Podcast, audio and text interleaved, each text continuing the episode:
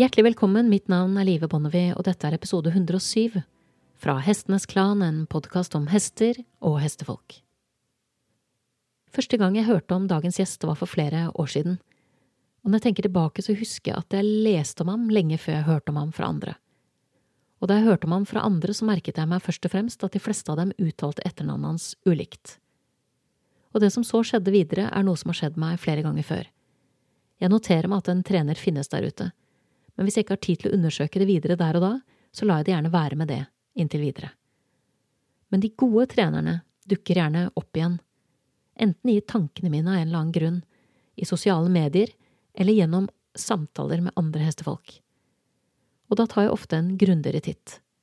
Og så hender det også, en sjelden gang, at noen jeg virkelig respekterer, insisterer på at jeg må undersøke en trener nærmere. Og det var det som skjedde i dette tilfellet her så jeg gjorde litt research, ble veldig nysgjerrig basert på det jeg så, og så deltok jeg deretter på to klinikker. Og dette intervjuet vokser ut av det jeg så. Når det kommer til dette med å ri og tilbringe tid med hester, så har vi ofte forskjellige stiler, bærer forskjellige kostymer, og vi rir ikke bare i ulike disipliner, men vi har ofte forskjellige mål og ulike ambisjoner.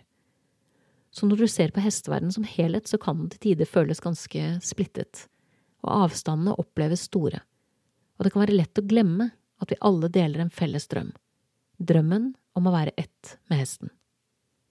En av utfordringene med å vurdere ulike trenere og ulike treningsmetoder er at de kan være raske til å avskrive trenere ved første øyekast, fordi det vi ser skiller seg for mye ut fra det hestemennesket vi identifiserer oss med, det være seg den broderte skjorta og cowboyhatten, de hvite ridebuksene og den elegante ridejakken, ullgenseren, jeansen og de skitne støvlene, eller i dette tilfellet, den skinnende rustningen, sverdet og lansen.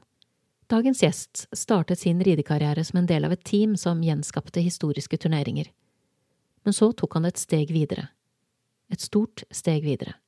Som rytter og kurator ved Fürstliche Hofreitschule, hvor han ble undervist i ridekunsten, og det som direkte oversatt kalles Den høye skolen, med øvelser over marken med mer. Og ut av dette vokste det en kampsportutøver og instruktør, som blant annet spesialiserer seg på historisk europeisk kampsport fra hesteryggen, med sverd, bue eller lanse.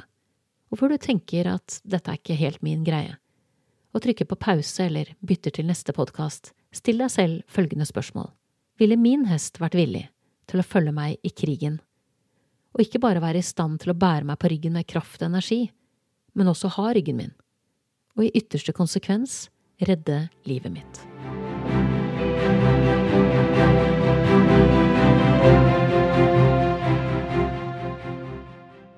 Arne Kots startet sin karriere til fots, som en del av en gjeng som iscenesatte turneringer med sverdkamp slik vi kjenner dem fra filmer og serier, der handlingen typisk er lagt rundt den tiden da menn bar rustning. Så ble han bedt om å stige opp på en hest for å utvide repertoaret, og da var hans grunnholdning at han ville trenge minst ti år for å ri noenlunde anstendig. Og selv om han ganske fort fanget opp nok til å kunne manøvrere en hest iført rustning, fanget han like fort opp at ridning var mye mer enn det han lærte på rideskolen han oppsøkte for å lære kunsten å ri. Han beskriver ridningen fra de ti første årene som ingenting å skrive hjem om, og beskriver hvordan han alltid var på leting etter noen bedre, uten å vite akkurat hva det var. Vendepunktet kom da han red sin første versade. Det åpnet en helt ny verden, og et innblikk i det Arne kaller den gamle versjonen av den klassiske dressuren. Ambisjonen var å mestre kampsport fra hesteryggen, noe som ikke bare krever høy grad av selvdisiplin og selvkontroll, men også inngående kunnskap om hvordan en krigshest skal trenes og ris. Ikke sånn som man med gru kan se det, på sommer-OL, der en utøver som knapt vet foran og bak på en sal, settes opp på en fremmed hest og skal prestere, men på fingerspissnivå, der timing og bedømmelse av avstand til motstanderen brekkes ned til centimetere, og du ikke bare vet hvilken hov som er i bakken til enhver tid, men også hvilken del av hoven som tar mest vekt. I kampsport fra hesteryggen så er marginene så små at du som rytter må være i flytsonen til enhver tid. For det som skjer, skjer for raskt at du rekker å tenke deg om. Hvis du tenker, er du død, som Maverick så treffende sa det i den første Top Gun-filmen. Arne beskriver det som noe som høres ut som en dans uten musikk, der du er i kontinuerlig flyt og må la deg gli med som om du flyter med vannet i en elv, Det er det å stoppe opp eller holde igjen blir en slitsom og umulig kamp mot noe som er større enn en selv.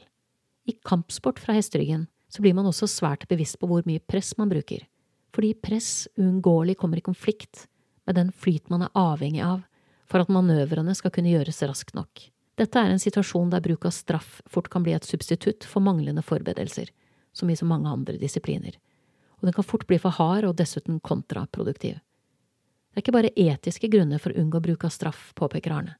Det er historisk sett også rent praktiske grunner, for du er avhengig av å kunne stole på hesten din, og at den har ryggen din. Og dit kommer du ikke med bruk av straff. De gamle mesterne sa at dersom du straffer hesten din for mye, vil den forlate deg på slagmarken. Det er en nyanse i oversettelsen her, påpeker Arne. Det er ikke sikkert at hesten fysisk forlater deg, men den forlater deg mentalt, og da har du i realiteten mistet den. Målet med treningen av en krigshest var at hesten alltid skulle være i stand til å yte maksimalt, og at den skulle være holdbar. Og flere av tingene som ble vektlagt den gangen, som å bruke et bitt hesten var komfortabel med, er ting vi i dag enten tar som en selvfølge, eller lar være å bruke i det hele tatt, ut fra et rent etisk perspektiv. Men vi kan like fullt bruke fortidens kunnskap til å sikre hestene et bedre liv i nåtid, ut fra den etiske standarden vi setter i dag. Der hesten ikke bare skal være godt trent, sunn og frisk og holdbar, men også trives og være fornøyd og glad. Arne beskriver systemet som ligger til grunn for måten han trener sine hester på, som sentrert rundt setet. Det etableres tidlig en sterk kontakt mellom setet og hesten.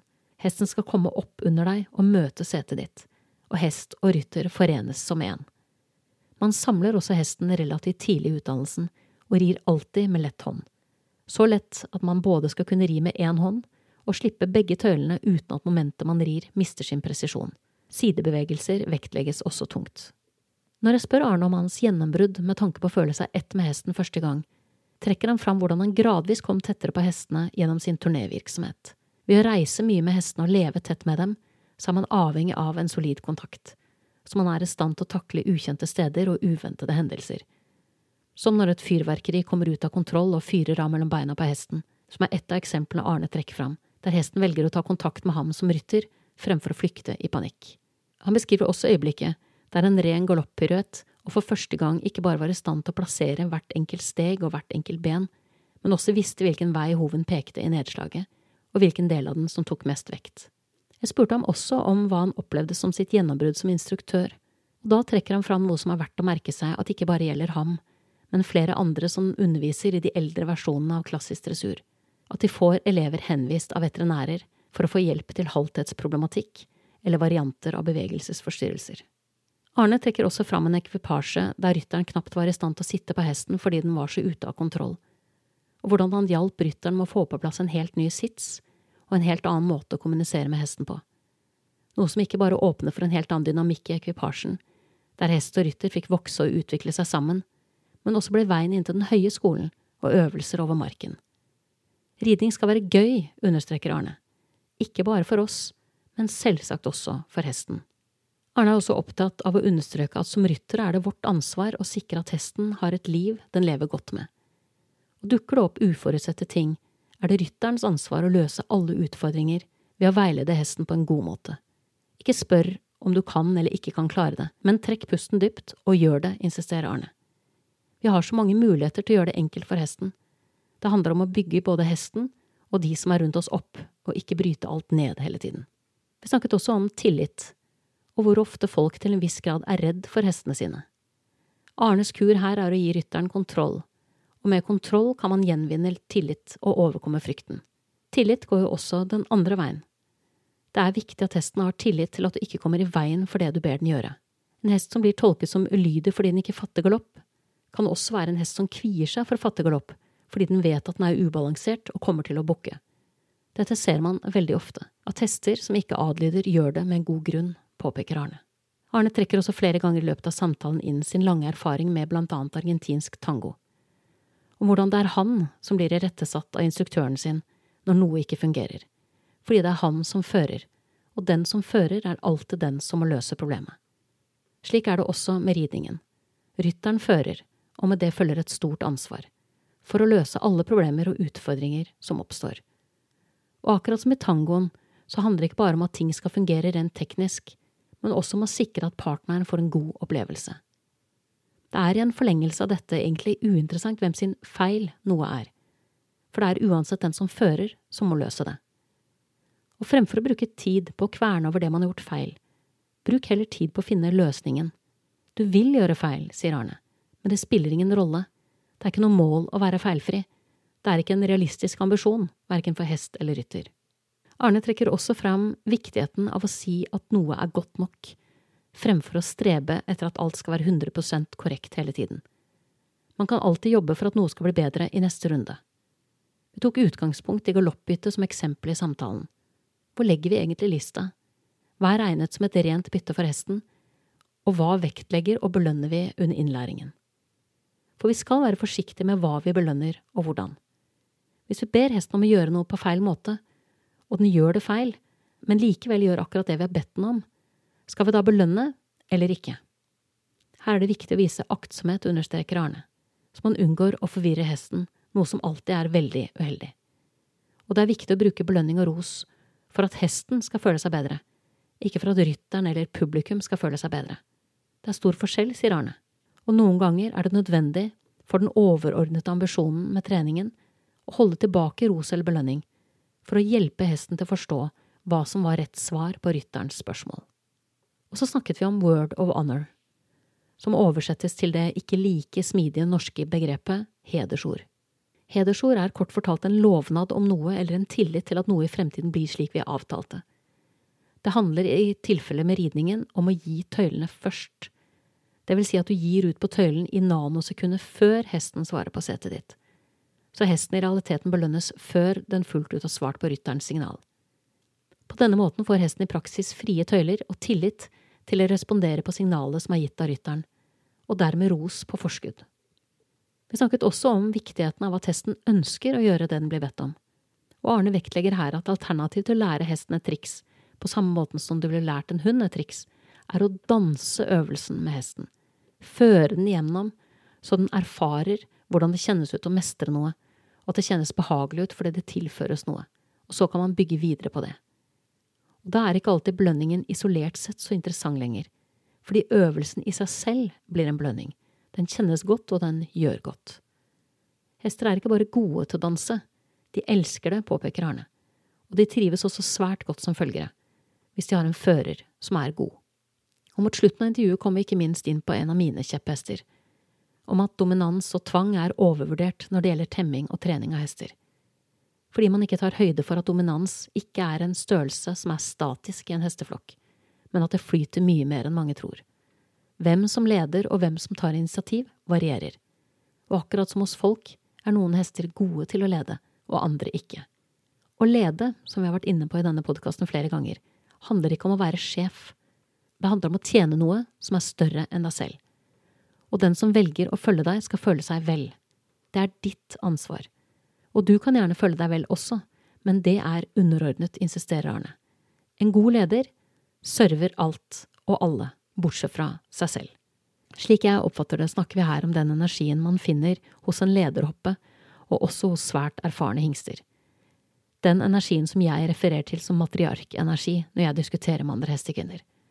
Hva man kaller denne energien hos menn, er jeg usikker på, men hun merker veldig fort om noen er i besittelse av den, fordi den er fri for ego og arroganse, og ikke minst full av ansvar.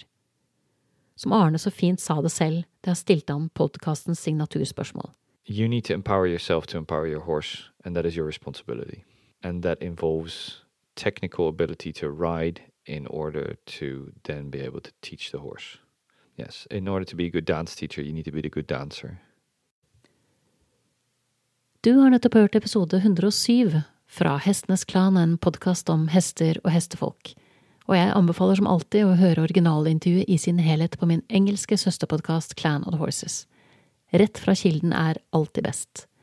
Og det sier seg nesten selv at det kvarteret du nettopp har hørt på norsk, bare er toppen av isberget når det engelske intervjuet har en spilletid på nærmere 60 minutter. Jeg vil også benytte anledningen til å minne om at du finner både videoer og relevante linker på min hjemmeside www.hestenesklan.no, og ikke minst vil jeg takke for følget så langt. Hestenes Klan rundet 200 000 nedlastinger i forrige uke, så takk til alle som deler, anmelder og ikke minst diskuterer det de har hørt videre med andre hestefolk. Flere hoder tenker alltid bedre enn ett. Da gjenstår det bare for meg å takke min faste komponist Fredrik Blom, min gjest Arne Kots, og sist, men ikke minst vil jeg takke deg, kjære lytter, for tålmodigheten. Måtte hesten for alltid være med deg.